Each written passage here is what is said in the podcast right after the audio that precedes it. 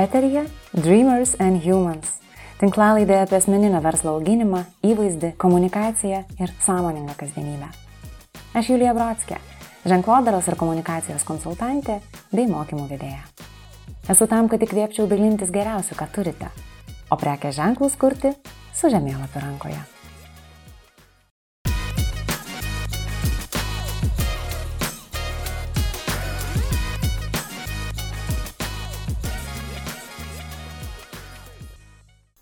Mėlyjei, šį kartą pristatau Jums savo labai labai gerą bičiulę, dizainerę ir tvarios mados praktikę Moniką Pranskaitytę. Man asmeniškai Monika svarbi tuo, kad mūsų draugystės metu ištisai griovė mano pačios nuostatas, laužė stereotipus susijusius su drabužiais ir stiliumi, mokė samoningumo, renkantis rūbus. Pokalbio metu gvildenome stilingumo savoką, aiškinomės stiliaus dedamasias. Nagrinėjome Lietuvos gatvės aprangą ir ko joje norėtųsi daugiau. Be abejo, lietėme tvarumo ir ypatingai manipulacijos juo temas. Šiame epizode neišgirsite stebuklingų taisyklių, kaip būti stilingam arba tvariam. Užuot švaistydama tokius patarimus, Monika visų pirma kviečia kurti sąmoningą santykį su savimi, su savo drabužiais, atskirti stilingumą nuo madingumo ir atsikratyti kitais, jau pasenusiais įsitikinimais. Malonaus klausimą. Labas, Monika. Labas, Julija.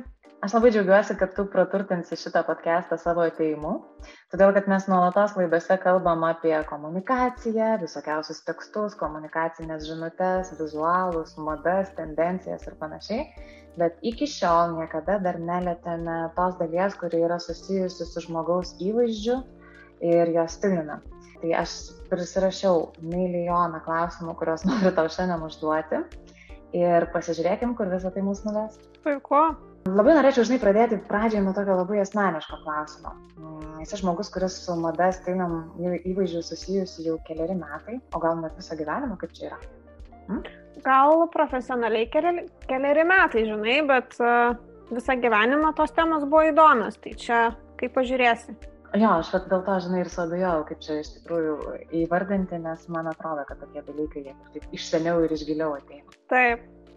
Mano toks gal biški banalokas klausimas. E, turi kažkokį tokį go-to rūbą, kur kai jau nežinai, ką renktis, tai visą laiką žinai, kad ai šitą apsirengsiu, arba avalynę, arba kažkokį aksesuarą, kur žinai, kad oi čia mano dalykas ir jeigu ką, tiesiog eisiu rytoj su juo dėsit. Geras klausimas, niekada nepagalvojau, ar turiu kažką tokio gal priklauso nuo etapo, kuriame esu, arba nuo metų laiko. Tai visada yra dalis rūbų, kurie niekada nenuvilia ir yra saugus. Tai greičiausiai būtų vienas kitas kelnių modelis, kabantis spintoj ir marškiniai. Visada labai aišku, kad e, gerai jausiuos e, vilkėdama juos. Bet neturiu, žinai, tą vieno įvaizdžio, kuris būtų tas, kuris visada gelbsti. Kažkaip spintai pas mane visi daiktai tokie, kurie man nekelia kažkokio streso ar diskomforto, tai iš mm. principo su visais jaučiuosi gerai. Tai labai priklauso nuo metų laiko ir tos dienos nuotaikos, su kuo jausiuosi geriau šiandien. Mhm.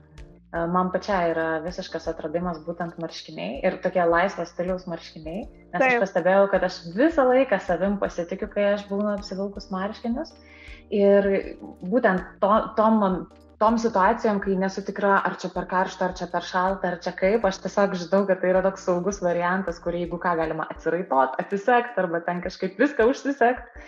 Tai geras. Taip, taip, taip. Geras. Marškiniai, žinai, ir šiaip turi tą tokią galę truputuką kilstelti mus emociškai. Tai turi ir formalumo, bet ir atsipalaidavimo savyje. Tai nėra taip įrėminta, kaip tarkim vilkint švarką, bet jeigu žinai, kad dienoje galbūt teks turėti kažkokių situacijų, kur turėsi labiau pasitikėti savim ar tokio palaikymo savo, savo išreikštai marškiniai, visai geras variantas. Tokio truputuką mm, palaikymo iš išorės turėti ant kūno kaip faina, kad tu tai įvardinai, nes dabar tu įžodinai man tą tokį ne, nesuvoktą ir neįžodintą dalyką, kodėl man iš tikrųjų norisi jos rinktis dažnai. Nes tu visiškai teisi ir labai man suskambėjo tavo žodžiai, sakant, kad jie truputėlį kilsteli emociškai, nes tarsi duoda kažkokio tokio daugiau uplifting momento nei ten, tarkim, trikotažiniai marškinėliai arba kažkokia bliuzelė. Taip. Bet tuo pačiu juose, jeigu tu juos ten labiau prasisegi ir panašiai, jie gali duoti ir tokio laid back jausmo. Geras. Taip, taip, ypač jeigu tai nėra e, labai klasikinis modelis, kuris arti kūno, būtent laviruoja tarp tokio kasdienio stiliaus ir truputuko formalių momentų, tai visiškai tas rūbas, kuris labai universalus ir, ir jo suteikia to tokio emocinio palaikymo dienoj pakalbėkim truputėlį taip iš toliau prie temos, prieidamos. Ar galėtum kažkaip apibūdinti, kas tavo asmeniškai yra stilingas žmogus? Ir man berašant šitą klausimą iš tikrųjų taip užsifiksavo ir kitas momentas, o kažin, ar apskritai egzistuoja kažkokia objektyvi stilingumo savoka? Ar, ar tas stilingumas gali būti kažkoks universalus ir visiems suprantamas, ar tai yra kaip tik labai subjektivu? Žinai, daug galvoju apie šitą klausimą ir vis kiekvieną kartą pagalvoju, tai koks tas stilingumo apibrėžimas ir ką tai reiškia. Ir galėčiau turbūt šią akimirką pasakyti taip, kad kiekvienas mes esam stilingas mm. ir kiekvienas mes turim savo asmeninį stilių. Ar jisai yra estetiškas ar ne, čia galbūt kitas klausimas, bet tada, žinai, viskas persipina su tuo, ką mes norim pasakyti įvardindami žodį stilingas, nes dažnai yra maišoma šita savoka su madingumu.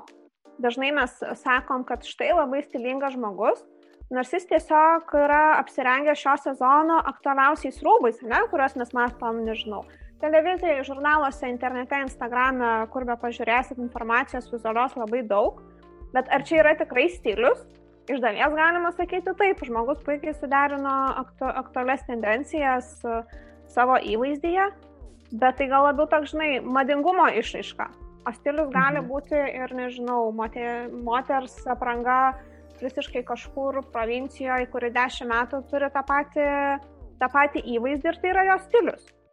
Tai nu, mhm. negali sakyti, kad tai nėra stilinga.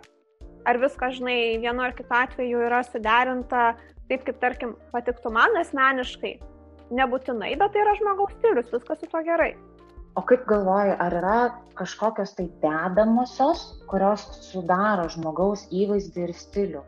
Kažkokie elementai, kurie būtini, kad e, mes laikytumėm, kad žmogus yra stilingas arba turi kažkokį aišku įvaizdį. O galbūt kažkokie pasikartojimai aprangoje galėtų būti viena iš dedamųjų dalių. Spalvinė gama galėtų būti. Dažnai mes juk tikrai atskiriam žmonės pagal tai, kokias spalvas jie mėgsta. Ir būna tikrai turbūt kasdienybėj nekartą esam pasakę ar išgirdę sakinį, kad oi, čia visiškai ne mano spalva, bet jinai tiktų tai ir tai mano draugiai. Aha. Gal, žinai, labai net nepagalvojam, ar tai yra stiliaus dalykas, ar įvaizdžio dalykas, bet jau turim asociaciją, kad kas kažkuris spalva mums asocijuojasi su vienu ar kitu žmogu. Tai tai yra tikrai stiprus tiek vizualus momentas, kurį įsimenam, tiek, manyčiau, stiliaus vat, detalė, kuri tikrai apibrėžia mūsų asmeninį stilių. Mhm. O daugiau, žinai, gyvenimo būdas lygiai taip pat, nes vėlgi stilius nėra tik tai rūbai ir tik tai apranga, tai pasirinkimai mūsų kasdieniai, ar mes sportuojam ar nesportuojam, ką, ką skaitom, ką žiūrim, kokią muziką klausom. Vėlgi, ne mano stiliaus muzika, ne? Galim taip e, pasakyti. Tai viska, visa, viskas taip labai, sakyčiau, holistiška ir neapsiriboja tik tai apranga ir mūsų spinta. Na gerai. Aš girdžiu, kad e, stilius nėra vien tik tai išoriniai elementai, kad e, jis, jis labai labai smarkiai nusilina asmenybės pasirinkimais ir gyvenimo būdu. Taip. Bet tai tada iš karto ateina toksai klausimas.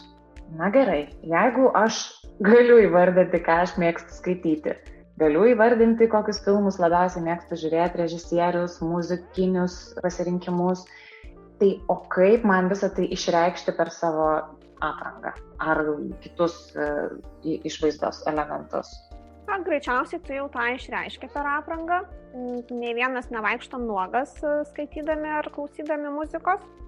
Tai galbūt ne taip sąmoningai mes tą išreiškiam, bet uh, tai vis tiek atsispindi mūsų pasirinkimuose. Nu tai tarkim, nežinau, mėgsta žmogus galbūt labiau klasikinę muziką, kaip pavyzdys. Tai galbūt jo aprangoje daugiau yra klasikinių elementų, ne tiek daug ryškių spalvų, galbūt labiau žemiškos spalvos. juoda, balta, ruda, viskas, kas pakankamai asocijuojasi ne su klasikos apibrėžimu. Galbūt žmogus mėgsta kaip tik labai aktyvę muziką. Tai jos spintoje gali būti daug, daugiau raštų, daugiau kažkokių spalvų, laisvesnių siluetų, ne tiek suvaržymo prangoj. Tai žinai, visa, visa tai atsispindi pasirinkimuose, galbūt ne visada mes tai suvokiam labai sąmoningai, ne? kai renkamės rūbą, nu negalvojam, kad o tai čia turbūt yra dėl to, kad aš mėgstu tą ir tą. Bet vis tiek viskas taip sluoksnis po sluoksnio dedasi ir mūsų spinta, nu, tai yra išraiška mūsų gyvenimo būdo. Dar viena, viena dalis jo. Jeigu mes norime, kad tie pasirinkimai būtų labiau sąmoningi, o ne tiesiog patys nesuvokiame, kaip visą tai atrodo, ar mes tokiu atveju turėtumėm labiau pažinti save, kažkokį užmėgsti tokį tvirtesnį santykį su savimi, su savo asmenybę, kad galėtumėm jau taip samoningiau priiminėti tos sprendimus? Aš sutinku su šituo teiginiu.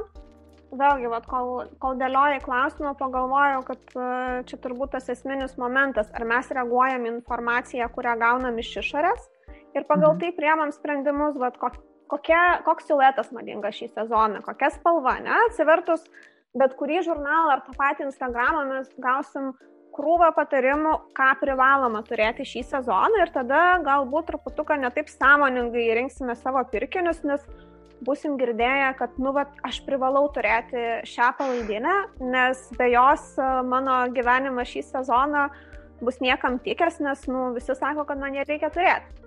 Bet kai suprantam, kad e, čia yra labai daug manipulacijos už to ir absoliučiai nieko niekam nereikia turėti, kas yra siūloma, ir gyvenimas negriūna nuo to, kad neturiu vienos ar kitos palaidinės, tada kyla klausimas, o tai ką rengtis, kaip man tą išsirinkti. Rūbą, nes, nu, rengtis reikia, galbūt kažką sudėvėjau. Tai mhm. Tai tada taip, mes, pažinodami save, galim labai sąmoningai dėliotis, tai kokią mums rūbo reikia. Galbūt mums tiks ir ta palaidinė, kurią mes matėm jau dešimtą kartą atsidarę Instagram ar vartydami žurnalą, Mhm. Tiesiog mes jau pasirinksim sąmoningai, kad čia, čia yra mano spalva, a, mhm. jinai man tikrai tinka, pasižiūrėjusi veidrodį, apsivilkus tą rūbą, aš jaučiuosi gerai, manęs niekas nevaržo. Mhm. spalva tinka prie mano odos atspalvio. Aš tada perku ją. Jeigu pasižiūriu ir visa tai absoliučiai nedara su mano asmenybė, su negaliu žiūrėti į save veidrodyje, kyla mintis, kad kažkas negerai. Daiktas kaip ir patinka, kaip ir mačiau, kaip yra tas toks validumas, kad šį sezoną visi jį nešios ir aš turiu irgi nešioti, bet jis absoliučiai man netinka ir jaučiuosi negerai. Tai jau žinodamas šitą momentą, padedu atgal į lentyną ir ieškau kito. Tai savęs pažinimas tikrai jisai išlaisvina nuo tų nereikalingų pirkinių ir nuo minties e, atsidarius spintą, kad neturiu ką apsirengti. Nes jeigu pažįstu save, tai žinau, kas man tinka, žinau, su kuo aš geriausiai jaučiuosi. Pažįstu savo figūrą, priemu savo figūrą, nes visos jos yra geros ir nėra kažkokio vieno standarto, tiesiog reikia atrasti kiekvienai figūrai tinkamą rūbą. E, žinai, iš asmeninės patirties tai pastebiu tokią tarpinę problemą, kur nepaisant to, kad tarkim galbūt žinom, mm, kad, na gerai, šitas kelnių siluetas šiemet yra madingas, nueinam į parduotuvę ir jį pasimatuojam ir nėra to tokio aiškaus supratimo, ar čia tikrai mano, ar čia tikrai ne mano. Ir pasidaro labai sunku atskirti, ar man gražu, nes tai dabar iš principo yra madinga visur, akis prie to priprato ir jau priima kaip uh, gražų ir tinkamą daiktą. O ar tai vis dėlto yra man konkrečiai nelabai tinkantis dalykas. Bet aš asmeniškai tokią problemą dažnai patiriu. Ypatingai, žinai, su kuo, vat, su kokiais batais, kur, žinai, jie m, mažiau yra reiklus ten kažkokiems figūros ir linijos dalykams. Ir tada atrodo, nu geras, man labai gražus šitas modelis, bet tada jau nebesuprantu, ar jisai man gražus dėl to, kad aš jį tūkstantį kartų mačiau, ar dėl to, kad jis man kažkaip papildavo mane ir padeda man labiau save išreikšti. Tai žinai, šitoje vietoje yra keli dalykai, kuriais galima vadovautis ir pasitikrinti, kaip ten yra iš tikrųjų. Vienas momentas tai nepirkti iš karto, pabūt su tą mintim, kad a, ar čia iš tikrųjų mano daiktas, ne mano daiktas, galbūt nueiti parduotuvę kitą dieną, pasimatuoti dar kartą, pažiūrėti mm. visiškai iš naujų žvilgsnių ir iš kitos emocijos, kurią gyveni tą dieną, tai irgi, mm. irgi padeda. A, tada pagalvot, o ar dera prie mano jau turimų daiktų. Mhm. Nes jeigu visiškai nedėra, iškrenta iš esamo konteksto, tai galbūt nėra iki galo mano daiktas. Žinai, mhm. aišku, gali būti atveju, kad visiškai išgyveni kažkokį pokytį gyvenime ir tai atsispindi spintą ir norisi viską keisti, tai, tai tada tos paieškos vėl truputuką kitokios, bet jeigu e, nieko nesinori taip stipriai keisti ir tiesiog nori papildyti savo spintą, savo įvaizdį naujų daiktų, kurio, kurio tau reikia, tai tada šitas momentas, kad aš pagalvoju, ar tinka prie jau turimų daiktų, vėlgi labai padeda apsispręsti. Nes jeigu tinka, tai reiškia papildo mano stilių. Jeigu visiškai iškrenta iš konteksto, tai greičiausiai, žinai, yra tas atvejis, kad mačiau daug kartų šitą daiktą medijose mhm. ir esu ant mhm. tiek pripratusi prie jo, kad uh, todėl renkuosi, norėčiau rinktis pirkti, bet absoliučiai netiks prie mano daiktų ir stovės lentynoje. Tu žinai, aš dabar beklausydama tavęs prisiminiau tuos truputį senesnius laikus, kai mes kartu su tavimi eidavom apsipirkti į parduotuvės. Ir Taip. tų apsipirkimų metu aš labai gerai išmokau vieną tokią pamoką, galbūt e, surezonuos, kam nors ir išklausančiųjų. Aš atsimenu, kad vertindamos e, drabužius, kuriuos mes matydavom parduotuvė, parduotuvėje, bent jau tu dažnai sakydavai, kad pavyzdžiui šitas daiktas yra labai gražus, arba ten labai tinkamai gerai pasiūtas, puikus fasonas, ar dar kažką. Ir faktiškai išmokiai mane atskirti, kur yra man tiesiog gražu, nes būtent ar kažkas kitas gražiai gali šitą dalyką dėvėti arba jo papildyti savo garderobą ir panašiai. Ir kur yra gražu, plus man šito dalyko reikia. Nes yra be galo daug gražių dalykų, bet jie yra tiesiog gražus objektyviai arba subjektyviai, bet nebūtinai mums juos reikia turėti. Ir vat, man atrodo, ne visi mes irgi tą ribą atskiriame. Tai visiškai. Mes, žinai, gyvenam tokiam kontekste, kuriame kiekvieną dieną gaunam šimtus žinučių, kurios praneša mums, kad mums reikia kažką turėti. Mums reikia turėti dar vieną porą batų, dar vienus marškinius, vienas kelnes, dar treja, tris sukneles naujas šiam sezonui ir mes, žinai, esame pratę prie to, kad reikia, reikia, reikia, reikia turėti. Ir tada, kai išeini į pasaulį ieškoti tų naujų daiktų, tai tas reikia turėti yra kažkur pasąmoniai ir tada nebetskiri. Taip iš karto ne, ar man čia tik tai gražu, ar man gražu ir reikia turėti. Tai vėlgi tas savęs pažinimas padeda truputuką samoningiau daryti pasirinkimus ir būtent gali tiesiog nueiti į parduotuvę, ieškoti savo galbūt vieno kito rūbo ir grožėtis visais esančiais ir, ir viskas yra su tuo gerai. Neprivalai eiti ir pirkti kiekvieną daiktą, kuris tau yra gražus. Arba žinai, lygiai taip pat aš einu gatvę ir matau moterį su aukštakulniais ir galvoju, nu, nerealiai gražu, bet tikriausiai gyvenime nepirksiu aukštakulnių. O kitas dalykas, nežinau, galiu matyti kažkokią irgi labai stilingą moterį su dviratininko šortais ir kažkokiu oversiziniu švarku ir man tai yra labai gražu. Taip. Bet tai nereiškia, kad aš irgi visą tai inkorporuosiu pas save. Ir aš tai labai džiaugiuosi, žinok, šituo atradimu, kad aš išmokau, arba gal dar tik tai mokausi atskirti šitos dalykus, nes jeigu ne tai, tai iš tikrųjų galbūt būčiau prisipirkusi krūvą dalykų, kurie man tiesiog yra gražus. taip, taip, ir nebūtinai tinka, ir nebūtinai reikia. Tai čia, žinai, nu. čia ta pasiekmė viso marketingo, kurį mes turim, kad norisi turėti tai, kas gražu, bet Aha. nepagalvojam, ar reikia ir ar tinka mums, mūsų asmeniniam stiliui. Ir tada susidurėm su to momentu, kad atsidarom spintas ir nėra ką rinktis. Tai vėlgi išmokti tiesiog grožėtis yra visai sveika tiek finansiškai, tiek emociškai. Tikrai, tikrai. Klausyk, o grįžtant dar prie tos stilingos asmenybės momento. Pradėjau galvoti irgi, nu, vat, o kas man asmeniškai yra stilingos asmenybės ir kuo aš žaviuosi ir kas tai, kas tai per žmonės.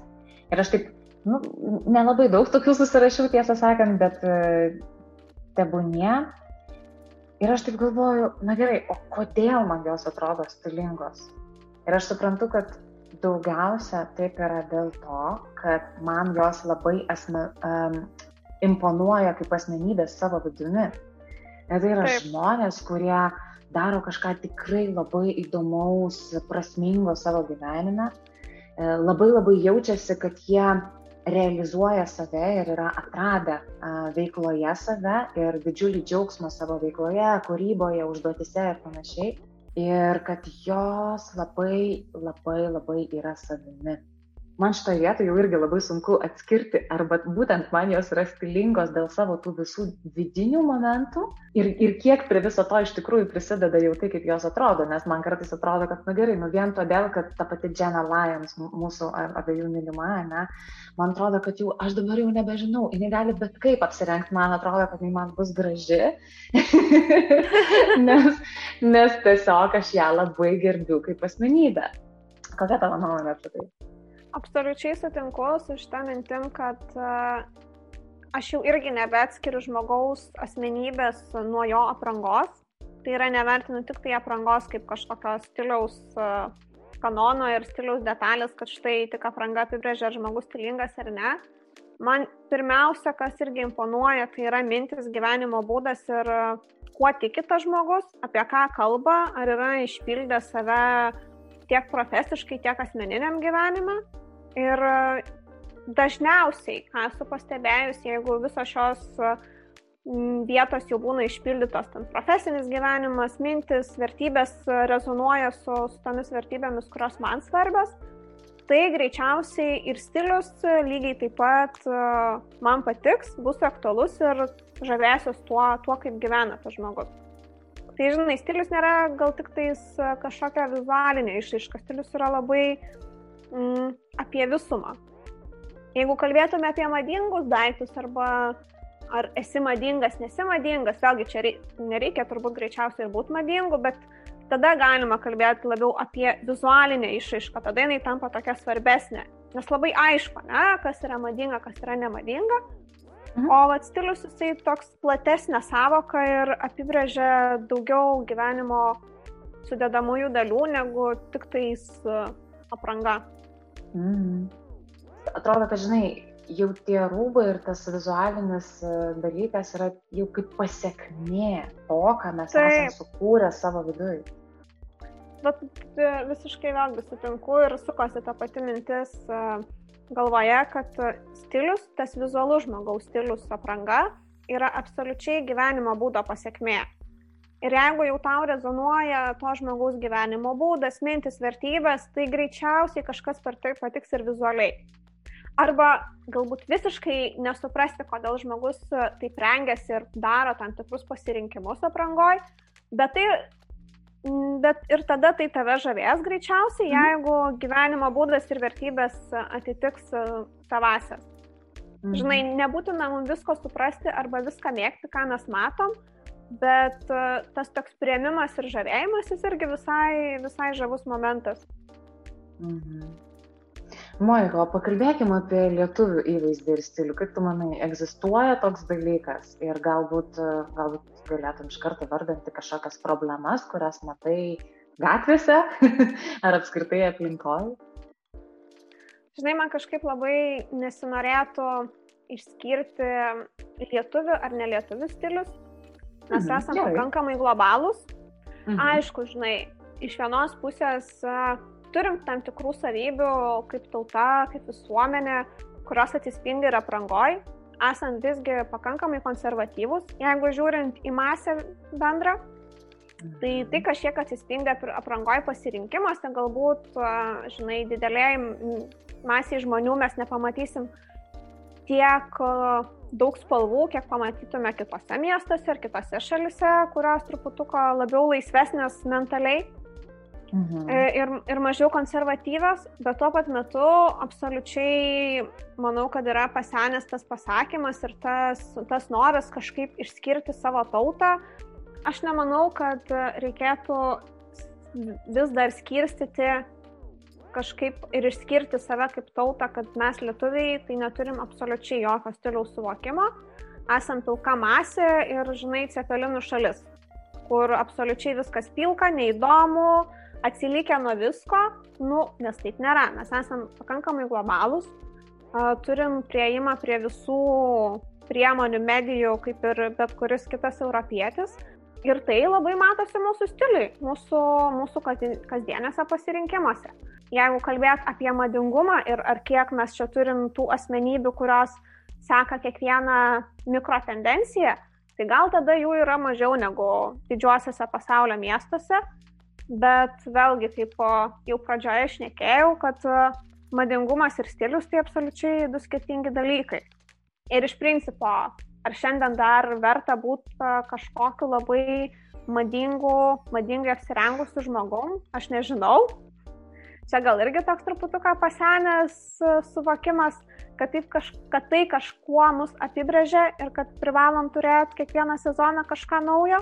Jeigu galėtum pasirinkti ir kažkaip nulemti, ko tu norėtum pati matyti daugiau gatvėse? Na, nu, va, tai ne Gedimino prospektų dar Vilniuje, ne? Ko, apie ką pasvajotum? Mhm. Daugiausia turbūt apie ką pasvajočiau, tai išimčiau didžiąją dalį reklamų, kurios praneša, kaip mes turėtume atrodyti ir ką įsigyti šį sezoną. Mhm. Ir pasvajočiau apie tai, kad žmonės galėtų rinktis kokybiškesnius daiktus. Nes dabar tai yra pakankamai privilegija ir tada atsitinka tas momentas, kad uh, turim pirkti vis daugiau ir daugiau ir daugiau, nes tiesiog negalim įsigyti pakankamai kokybiškų daiktų. Tai mano turbūt jo, ta tokia persona, personaliai svajonė būtų, kad einant e, bet kur gatve, matyčiau, kad bet kuris žmogus, nepriklausomai nuo socialinio statuso, gyvenimo būdo ar ko, tikrai dėvi labai kokybišką daiktą, kuris e, tarnaus ne vienus metus. Tai žinai, nepriklausomai nuo to, kaip atrodys. Man jau kažkaip truputuką nebe taip svarbu, ar čia žmogus susiderinęs e, labai stipriai savo aprangą ar ne, ar ten atitinka kažkokius mano estetinius įsivaizdavimus, kas yra gražiai apsirengęs žmogus ar ne. Kažkaip jau, žinai, šitoj, šitam kontekste man šitas yra, nežinau, gal kokioj dešimtoj prioritetų eilutėj. Pirmiausia, norėtųs matyti, kad kiekvienas gali įsigyti tikrai kokybišką daiktą, turėti galimybę, kad tai nebebūtų privilegija. Išvelgiu tame tokį truputėlį užburtą ratą, nes tikrai įsigyti labai gerą kokybišką daiktą kainuoja daug pinigų, o kartais ir pastangų, energijos, laiko visą tai atrasti arba, nežinau, pasisiūti. Ir tada iš tikrųjų mes galvojame, nu gerai, aš, pažiūrėjau, save pagaunu, nu gerai, gal kitais metais kaip nors labiau pasirūpinsiu šitais dalykais, O Taip. rytoj tada tiek to nueisiu dar vat, šituos džinsus nusipirksiu iš kažkokios žinomos parduotuvės. Bet, nu, bet čia jau toks paskutinis kartas. Aš tikrai pagaunu save, kad aš taip darau. Mm, aišku, guodžiu save tuo, kad pakankamai nedaug perku drabužių ir net ir iš žinomų parduotuvių ar greitosios mados parduotuvė nusipirkusi daiktus, aš juos tikrai ilgai nešioju. Tai bent jau šitoj vietoj dar šiek tiek pasigodžiu. Bet e, visiškai sutinku su tavim, jeigu tai būtų toks truputėlį paprastesnis kelias, būtų labai didelis kaifas. E, nešioti tos kokybiškus drabužius ir ne 3-4 metus, o 14. Taip, taip. Tai žiūrėk, mes čia po truputėlį su tavimi ir atplaukėme iki klausimo, kurį tikrai būčiau uždavus, kas tau pačiai svarbu renkantis savo drabužius, aksesuarus, avalynę. Tai jau girdžiu, kad svarbu kokybė. Kokie dar momentai tau svarbus? Svarbu kokybė, svarbu, kaip tas daiktas atrodo. Tikrai neignoruoju estetikos ir manau, kad tai yra irgi labai svarbi, svarbi dalis renkantis rūbą. Bet dar, bet dar svarbiau man yra, kuris pagamintas, kaip pagamintas, kas stovi už to rūbo, kokios vertybės. Jau žinai, turbūt labai labai senai buvo tas momentas, kuomet e, tik tai dėl vizualios e, rūbo kažkokios kūriamos vertės aš jį pasirinkau. Tai pirmiausia, jo, man svarbu, kas, kas gamina, kur pagaminta, ar tai yra atsakinga gamyba, neatsakinga gamyba, kokia sudėtis, kaip aš prižiūrėsiu, kiek aš ilgai nešiosiu tą daiktą. Nes, e, nežinau, vienkartinių daiktų, kuriuos po penkių nešiojimų ir dviejų skalbimų reikia atidėti spintos e, gilumą, tai, nu, absoliučiai nematau vertės juose nei, nei kažkokios emocinės, nei vizualios, nes tas vizualumas greitai dinksta. Emociškai irgi yra nefaina po kelių nešiojimų, žinai, atidėti spintą, nes, nu, atrodo blogai jautiesi blogai ir tada nori kažko naujo. Tai tada to, to užburto rato, žinai, kad perku nešioju, perku nešioju, nes jau nusinešiojo, noris išvengti, renkantis e, rūbus ir aprangą, aksesuarus taipogi. Kokie yra būdai mums pasidomėti apie tai, kur yra pagamintas daiktas, kas jį gamino ir kaip atrodo visas procesas? Ar mes tiesiog turime eiti į internetinę svetainę, o gal yra kažkokios tai tokios centralizuotos vietos, kur yra kokie nors sąrašai tokių atsakingų prekės ženklų? Nu, papasakok truputį apie šitą dalį. Žinai, norėčiau dabar kažkokį paprastą receptą išduoti, tai kaip čia atsakingai rinktis tos rūbus ir, ir kaip viską sužinot. Nėra gal mhm. taip viskas dėja paprasta, kad vienoje vietoje bus visi atsakymai. Tai galima mhm. pradėti nuo labai mažų dalykų ir nuo tokios saviedukacijos. Tai pirmas žingsnis, kurį nežinau, ar tikrai padaro kiekvienas, aš tai tą darau, nes jau čia toks profesinės lygos momentas, kad mhm. prieš perkant pasižiūrėti etiketę ir paskaityti informaciją, priežiūros etiketę turiu omenyje, ir paskaityti informaciją, kuri yra joje sudėta. Tai ten jau pamatysim pirmąją, pirmąją žinutę, kur yra pagamintas rūbas. Aišku, žinai, čia dar galima plėstis ir sakyti, kad e, didžioji dalis e, šalių net nėra įtrauktos į, e, į priežiūros etiketę, kad kur pagaminta, būna parašyta jau tik ta paskutinė statelė, kur viskas yra surenkama, pasiūnama. Bet tai irgi jau yra gera pradžia tokiam pasirinkimui ir saviedukacijai, kad suvokti, iš kur tas mano daiktas atkeliavo. Noris, man norisi šitoje vietoje tokio truputėlį patikslinimo. O ir ką tu matai? Na gerai, tu matai Bangladešas, Indija, Stokholmas. Uh, papasakok truputėlį, kaip tu tą informaciją susikategorizuoji savo galvoje. Taip, tai jeigu matom, kad tai yra trečiosios pasaulio šalis, kaip Bangladešas, Indija ir, ir, ir taip toliau, tą sąrašą tikrai greičiausiai atskirtume patys pamatę, tai jau sufleruoja, kad yra didelė tikimybė, jo gamybos grandinė nėra skaidri. Tai reiškia, kad žmonės ten per mėnesį uždirba keliasdešimt dolerių geriausiu atveju ir jų gyvenimo būdas yra, nežinau, žemiau negu vidutinis ir greičiausiai mes nei vienas neišgyventume, ne, su, su, su tom pajamom, kurias e, gauna tie žmonės, kurie siuvo šitos rūbus. Tada, jeigu tai yra pagaminta Europoje, tai jau truputuką yra geriau, nes vėlgi priežiūra visų gamybos e, linijų yra, yra didesnė ir yra mažesnė tikimybė, kad e, buvo išnaudojami žmonės. Tai žinai, va, tas toks paprastas kategorizavimas jau visai padeda daryti tuos tvaresnius pasirinkimus ir parodyti, už ką aš vertybiškai balsuoju savo pinigais rinkdamasis rūbą. Žinai, galiu dar pradėti gilintis plačiau, o tai ką reiškia viena kita šalis, bet pirmas tas toks skirstimas jau, jau visai, visai padeda. Tai čia gaunasi, kad e, toks, toks labai grubus skirstimas, ne, ir kitaip tariant, jeigu grubus, aš tarkim, taip, pamatau, čia visiškai, kad... žinai, jeigu, jeigu atėjai į parduotuvę, bet kur užėjęs ir, ir pradedi gilintis, o tai kur čia pagaminta ir nori suvokti, tai tas toks pirmas grubus skirstimas jau pradeda, pa, padeda kažkaip tais atsijot. Ar aš noriu čia mokėti pinigus už šitą daiktą ir kokiam sąlygomis yra pasiūtas ar nenoriu. Man žinai, dar kyla klausimas apie tuos momentus, kurie, mm, mm, mm, nu, ar, ar tikrai mes galim to tikėti, ar nebus taip, kad e, siūta buvo Bangladeše, o ten kažkaip tai įpakuota ar, ar, ar kažką tai Italijoje ir bus parašyta Made in Italy. Negali tai būti? Nedaro taip prekės ženklai? Žinai, gali tai būti visai, nes šita, šitie momentai nėra taip stipriai reguliuojami, jeigu jau taip visiškai giliai pažiūrėjus. Bet uh, didelė tikimybė, kad jeigu jau ten tik supakuota į plastikinį maišelį Italijoje, nu, tai niekas jau tiek neturės uh, ciniškumo užrašyti, kad tai yra pagaminta Italijoje. Vis dėlto mhm. dažniausiai made in etiketė, užrašas, jisai žymi, kurioje šalyje yra surinktas rūbas, kur ten, žinai, susiūtos siūlės, įsiūtos sagos, mhm. įsiūtas užtruktukas, viskas yra supakuota. Tai, sakyčiau, 80 procentų teisybės bus tame. Vėlgi, tų atvejų yra visokių, bet sakau, vis dėlto nusistovėjęs yra šitas momentas, kad made in tai vieta, kurioje yra pagaminta.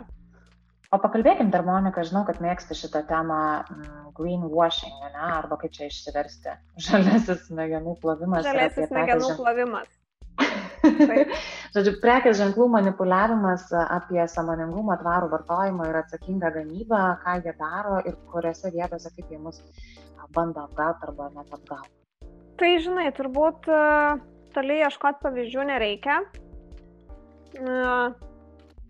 Nu, dabar galvoju, net kurį čia ištrank pavyzdį iš, iš daugelių, su kuriais mes susidurėm. Visa, visas tvarumas, jeigu kalbant apie gamybą ir prekių ženklus, prasideda ne tada, kai mes įžengiam į parduotuvę ir matom skambius užrašus, o tada, kai dizaino komanda, pardavimų komanda, prekių ženklo sprendžia, tai ką mes gaminsim, kur gaminsim ir kiek mes čia ko gaminsim visi, visi pasakymai, kad e, mes turime tvarę kolekciją, nes turime tris daiktus, kurie yra pagaminti iš perdirbto poliesterio, nereiškia, kad prekių ženklas yra tvarus, nes turi šimtą plus daiktų, kurie yra pagaminti absoliučiai tom pačiom sąlygom, kurios, kuriomis buvo gaminta anksčiau. Tai čia, žinai, vienas iš tų tokių greenwashing momentų, kur dažnai skamba gražiai, kaip ir pateisina vartotojo pasirinkimą pirkti vienam ar kitam prekių ženklė, nes prekių ženklas deklaruoja, kad mes esame atsakingi. Štai mes išleidome kolekcijos dalį, kuri yra labai atsakingai pagaminta. Bet tada užpudruojama ta dalis, kad o tai ką mes darėm su, su likusiais gaminiais. Ir žinai, kiek, kiek mes ten padarėm impact pasauliui su, su vispo, ką, ką sukūrėm ir ką pagaminom. Tada kitas momentas kviečiantis mus e, atnešti savo panaudotus rūbus, nes jie bus perdirbti. Bet, o tai kas iš to? Viskas, žinai, gerai su perdirbimo idėja, bet jeigu vėl tai yra pagrindinė motivacija šitą daryti prekių ženklui, kad prieš vartotojus atrodyti atsakingam ir nekeisti absoliučiai nieko savo gamybos grandiniai ir, ir bendrai kiekiuose, kurie yra gaminami, tai yra dar vienas greenwashingo pavyzdys. Nes iš principo tiek rūbų, kiek yra pagaminama, absoliučiai niekam nereikia. Jie yra mhm. dažniausiai neparduodami, tada sunaikinami, sudeginami arba nugula sandėliuose ir būna mėginama išparduoti per išpardavimą, mhm. kur vėlgi, ar ten kam nors reikia tų daiktų, yra didelis klausimas. Mhm. Ar galėtum paminėti prekės ženklus, kuriuos laikai atsakingesniais ar tvaresniais, kuriuos pati būtum linkusi rinktis? Gal galim čia pasidalinti kažkokiais įkvepiančiais vardais ar pavyzdžiais? Turbūt e, pirmiausia, akis kreiptų į Skandinavijos pusę, Taip. nes e, ten yra pakankamai stiprus visas šitas judėjimas atsakingos mados, iš tokių įkvepiančių tiek vizualiai, tiek vertybiškai prekių ženklų galėčiau paminėti Ganį, kurie mhm. tikrai labai atsakingai žiūri ir į tvarumą, ir atsakingos mados suvokimą, ir neskelbia savęs kaip atsakingų sustainable prekių ženklų, bet labai atvirai pasakoja, ką daro, kad judėtų tą linkmę ir su kokiais iššūkiais susiduria. Turi ir savo atskirą Instagram paskyrą Geni Lab, kuriame norint vatane pasiedukuoti O tai kas yra tas tvarumas, ką prekių ženklai turėtų daryti, ką daro, su kokiais iššūkiais susiduria. Kiekvienas mes galim nueiti ir labai suprantama kalba perskaityti, o tai apie ką tai yra ir, ir, ir kokie procesai vyksta. Tada iš e, tokių apatinių loungewear kategorijos tikrai norėčiau paminėti Organic Basics. Mhm. Jie pradėjo, dabar galvojant, gal prieš 6 ar 7 metus savo veiklą ir tikrai išaugo į pakankamai tvarų ir atsakingą prekės ženklą, kur kiekvienas daiktas yra pagamintas atsakingai, sužinosim, kur, kaip, kas e, yra padaryta. Turi nemažai iniciatyvų, kurios e, vėlgi gražina kažkiek e, to pelno į atsakingas iniciatyvas, kaip ten, nežinau, medžių auginimas ar bendruomenių suportas, tai tas yra tikrai, tikrai toks pakankamai stiprus prekių ženklas, kuris parodo tai, ką mes darom ir, ir kiek nuvilnyja ne, mūsų veiksmai į aplinką.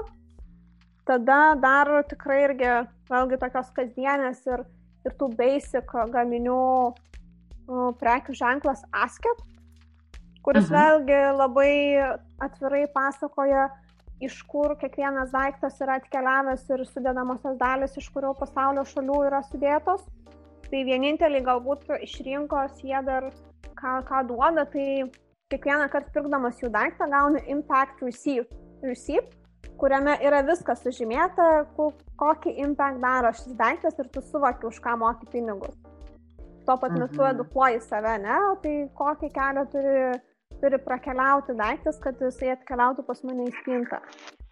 Mhm. Tai va, tai gal čia tokie keletas, nuo kurių galima pradėti ir, ir žinai, pradėjus gilintis tikrai atrastum ja, daug, daug daugiau prekių ženklų, kurie, kurie aktualūs kiekvienam iš mūsų skirtingom, skirtingom prasmėm.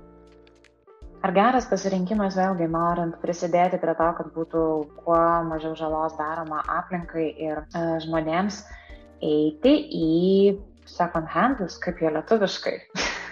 Tai gal second handai turbūt e, bus tas, e, tas e, terminas, kurį supras visi.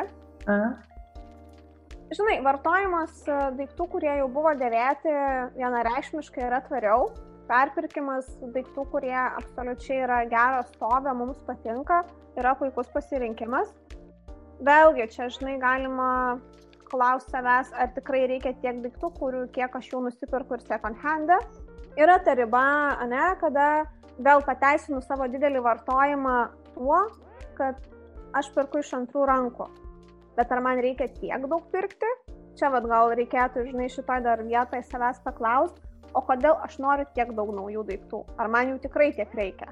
Nes vartojimas iš principo yra pakankamai didelė problema, kuri po to sukuria ne tą ripple efekt, kad uh, turim tiek, tiek problemų su aplinkosauga ir, ir sustainability visais klausimais. Bet vėlgi, pirkti iš antrų rankų, kai tau to daikto tikrai sąmoningai reikia, suvoki, kad, nu, man reikia tos suknelės, nes jau nebeturiu nei vienos, visos sudėvėtos, atsakingai mhm. jomis pasirūpinau, kad jos nenukeliautų bet kur, tai tada pasižiūrėti į antrą rinką yra labai sveika ir sveikintina. Ir yra absoliučiai krūva nuostabių platformų, kuriuose gali nusipirkti labai kokybišką daiktą, jau nešiotą, bet kokybišką daiktą už labai gerą kainą, kurios galbūt originalios kainos e, nebūtinai galėtum sauliaisti šią akimirką. Čia turi omeny tas platformas, kuriuose galima įsigyti ir tikrai labai žinių prekės ženklų daiktus? Taip, taip. Mhm. Vienareikšmiškai. Aš irgi, žinai, kartais, kai galvoju apie dėvėtų drabužių parduotuvės, irgi toks išlenda, na gerai, suprantu, kad čia kažkaip tvariau negu pirkti visiškai naują daiktą, bet tuo pačiu kažkaip yra toksai foninis jausmas, kad irgi klausimas, kaip iki ten ateina drabužiai, iš kur jie ateina ir kiek mūsų pačių poreikis ir paklausa lemia, kad ir ta rinka kažkaip visgi irgi klestėtų ir lygiai taip pat prisidėtų prie poveikio aplinkai, tik tai gal kitokiu būdu. Gal kitokiais mastais ar panašiai, bet, na, jinai irgi nėra nekalta. Tai žinai, ne vienas mūsų žingsnis nėra nekaltas, turbūt jeigu savo dieną pamatuotume, ką veikiam ir mhm. kokį poveikį sukuriam, tai čia ir iš proto galima išeiti. Mhm. Bet, nu, taip yra, mes esame žmonės, mes paliekam kažkokį tais e, įspūdą po savęs. Viskas su tuo yra gerai. Tai ta second hand rūbų rinka, taip, jinai vėlgi, kaip ir prieš tai neminėjau, gali būti absoliučiai skatinama tų pačių vartojimo na, vertybių, kad daugiau, greičiau kažko tais, grinai apie kiekį, bet gali būti ir apie atsakingumą. Tai čia, žinai, vėl, vėl tas toks detektyvo kepurė užsidėjus truputuką, pradedi žiūrėti, o ką aš pirku second hand. E ar aš pirku rūbus, kurie yra iš tų pačių greitosios mados prekių ženklų, ar aš tai. ieškau kažkokios autentikos ir kokybiškesnių daiktų. Na, žinai, mhm. nu nepirksi daiktų second hand, kurie yra iš uh, greitosios mados, tai per laiką kažkaip tais uh, nuripuliuosi iki to, kad uh, jų bus ten mažiau.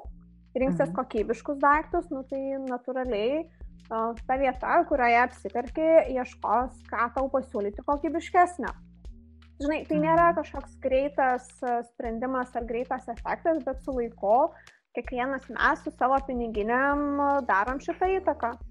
Žinai, turbūt apie tai būtų galima kalbėti e, daug ir ilgai.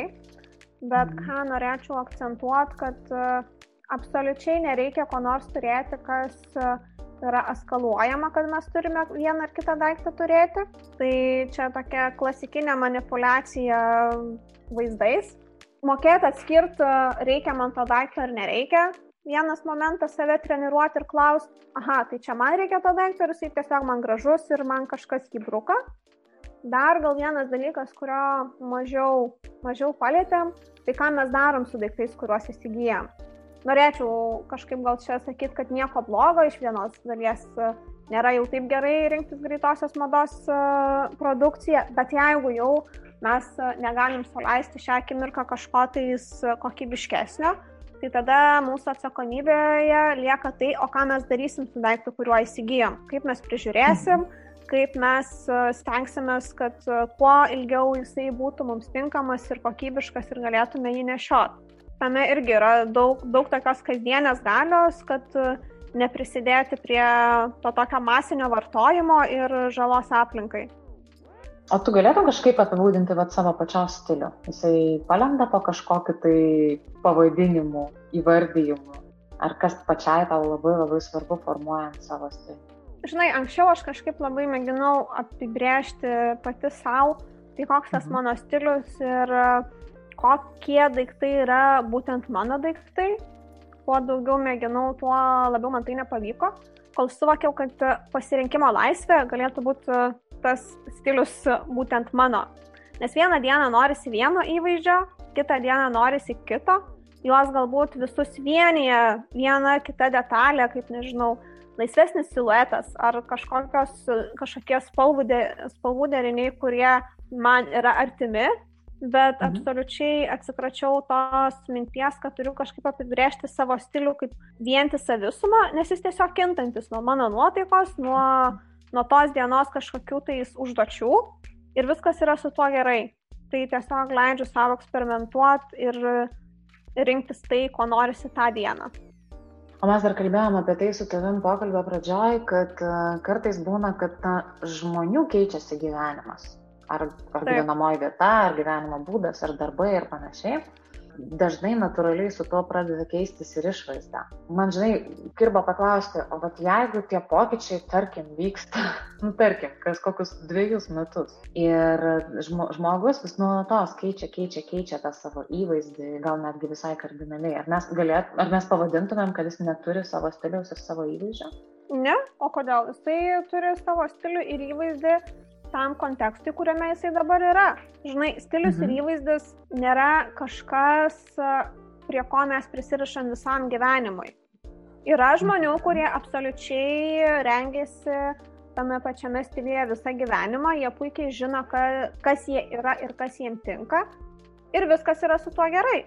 Yra dalis žmonių, kurie nuolat keičia save, keičia savo gyvenamąją vietą, gyvenimo būdą, galbūt uh, kažkokius darbus iš vienų veiklų eina į kitas ir tai atsispindi jų stiliuje. Tai jeigu, žinai, tam kontekste, kuriame esi dabar, rengiasi vienais ar kitais rūbais ir jautiesi gerai valio, tu turi savo stilių.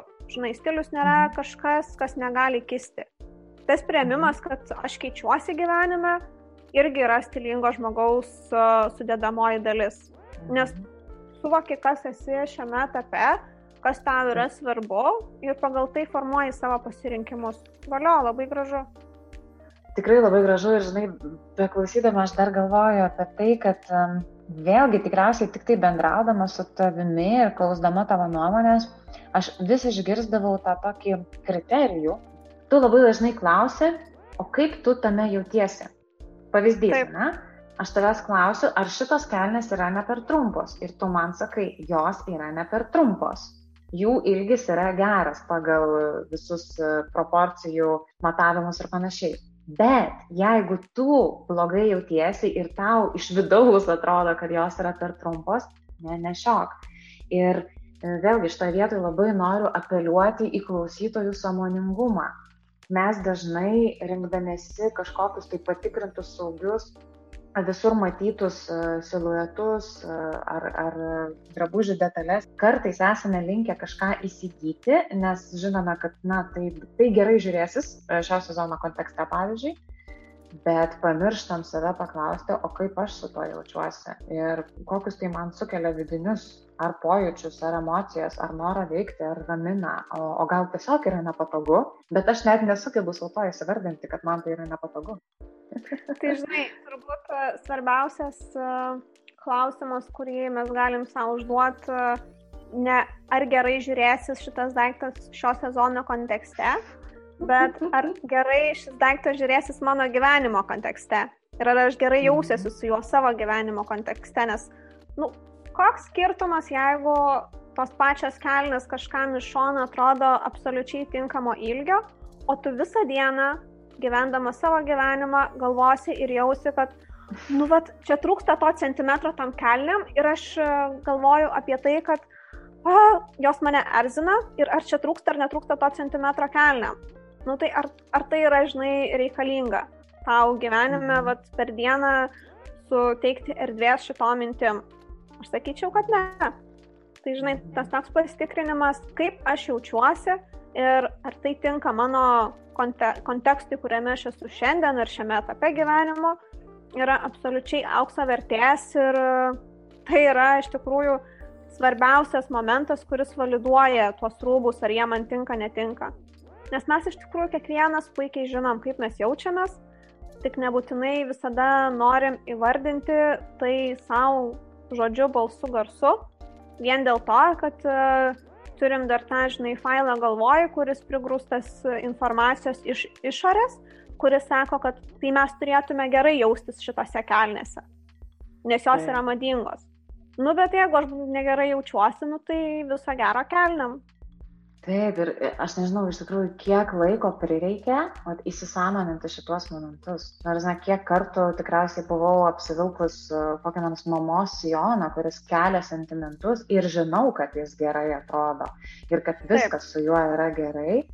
Bet jeigu taip nuoširdžiai savo viduje prisipažinčiau, na, nedžiugina, einu gatve arba sėdžiu kavinį ir jaučiu, kad nedžiugina, Ir nėra patogu, vis, ne visada patogu tai pripažinti savo, kad, nu, va, fainas, geras daiktas, o gal netgi brangus. ir, ir, ir, ir, ir kažkokio va, vidinio pasitenkinimo nėra. Tai labai labai linkėčiau tiem, kurie galbūt dar neatrado, kad faina yra užmėgsti santykių su drabužiu, su savimi ir pasitikrinti, ar aš iš tikrųjų gerai jaučiuosi. Nes juk galutinėme rezultate net jeigu mes e, kažkaip labai gerai jaučiamės, aš nežinau, sodo drabužiuose ar kažkokiuose savo naminiuose rūbose, nu taigi mes spinduliuosime tą gerą savijautą kitiems žmonėms, jie tai matys, jie tai jaus ir mes tikrai atrodysim, nežinau, ir stilingi, ir faini, ir savo vietoj. Taip, nes žinai, taip kaip mes jaučiame savo kūnę, absoliučiai atsispindi tame, ką mes transliuojame išorę. Tai jeigu jaučiamės gerai ir su tais pačiais sodo rūbais vidury miesto, nu ir gerai, pasaulis nuo to ne, nesugrius, niekas nemirs, dirbam ne chirurginiam būdami su sodo rūbais vidury miesto ir mhm. gyvybės ties tuo nekaba. Aišku, žinai, yra ten galbūt kontekstų, kur nebūtinai sodo rūbai tiks vienam ar kitam mhm. renginį, bet vėlgi tada mhm. turim kitus rūbus, kuriuos irgi patikrinam, ar mes gerai jaučiamės juose. Mhm.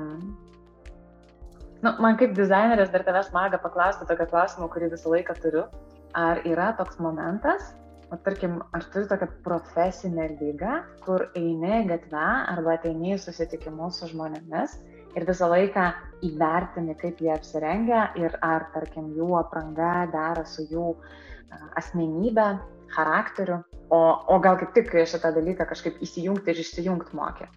Gal išjungti jau nebemoku, tik moku neįgarsint. O. Kas per, per, per, jo, per visą laiką išmokau neįgarsinti ir nebrukti savo nuomonės, o tiesiog stebėti aplinką ir, nu, galbūt kažkiek neslėpti tikrai viduje įvertinu. Bet žinai, ne per tai, ar tai yra geras ar blogas pasirinkimas, o apie tai mintis sukasi, o kodėl pasirinko būtent vieną ar kitą sprendimą koks mhm. gyvenimo būdas nulėmė, kad vat, žmogus e, rengiasi būtent taip. Arba mhm. tam kontekstui pasirinko vieną kitą daiktą. Tai kad stebiu mhm. tai vienareikšmiškai, aišku, yra, žinai, ir to tokio paviršutiniško vertinimo, einant gatve ir stebint žmonės, kad oi, šitas nedėra su šituo, bet tai yra grinai toks asmeninis mano vertinimas, kuris, kuris ne, nėra nuteisimas to žmogaus, žinai, kuris pasirinko būtent tą derinį. Mhm, mhm, Suprantu, mhm. kad jo, mano, mano akims ten tos spalvos ir tie ilgiai netinka, bet tai absoliučiai atitraukiu nuo žmogaus, kuris vilkėja vieną ar kitą derinį.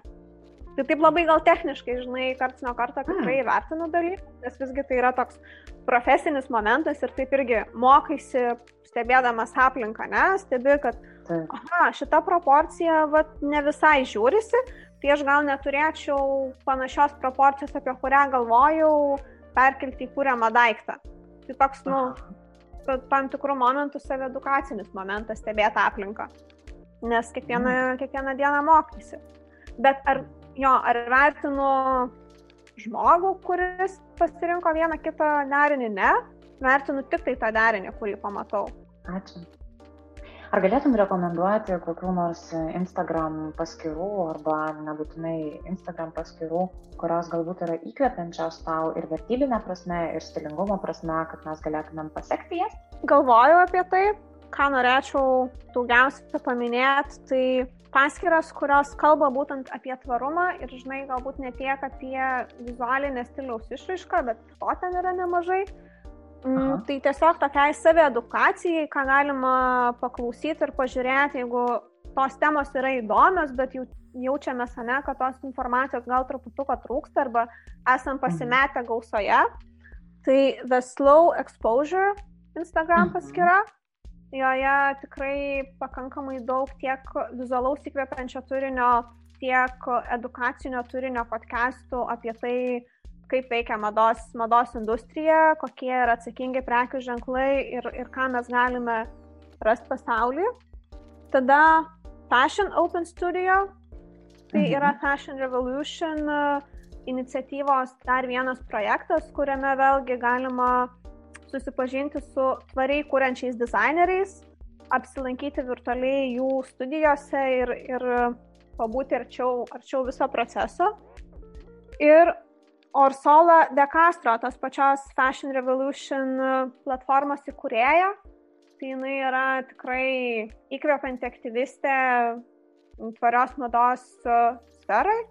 Ir nesenai išleido knygą, kuri kalba apie tai, kaip mes galime taisyti savo rūbus ir atsiradus kažkokiem tai defektam nereikia jų iš karto išmesti. Tai vėl daug, daugybė mhm. įkvepiančio turinio, kaip prižiūrėti rūbus, ką su jais daryti, kaip kurti santykių su jais ir iš kur viskas atkeliauja. Tai jeigu šios temos įdomios, kviečiu, kviečiu pasiekti šias paskiras. Ačiū. O tave kur galima pasiekti, Monika? O mane galima atrasti Instagrame, tai suvedę mano pavardę Pranskaitytę, rasit, matysit, sekit arba ne, kaip norisi. Aktyvės nuorodas aš suvesiu šitos laidos apraše, tai jas tikrai rasite. Monika, aš tai labai labai noriu padėkoti tau, ne tik tai už šitą pokalbį, bet ir apskritai už mano pačios asmeniškai požiūrę keitimą.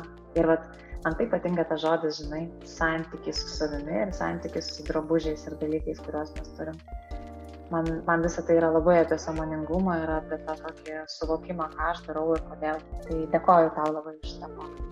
Ačiū tau.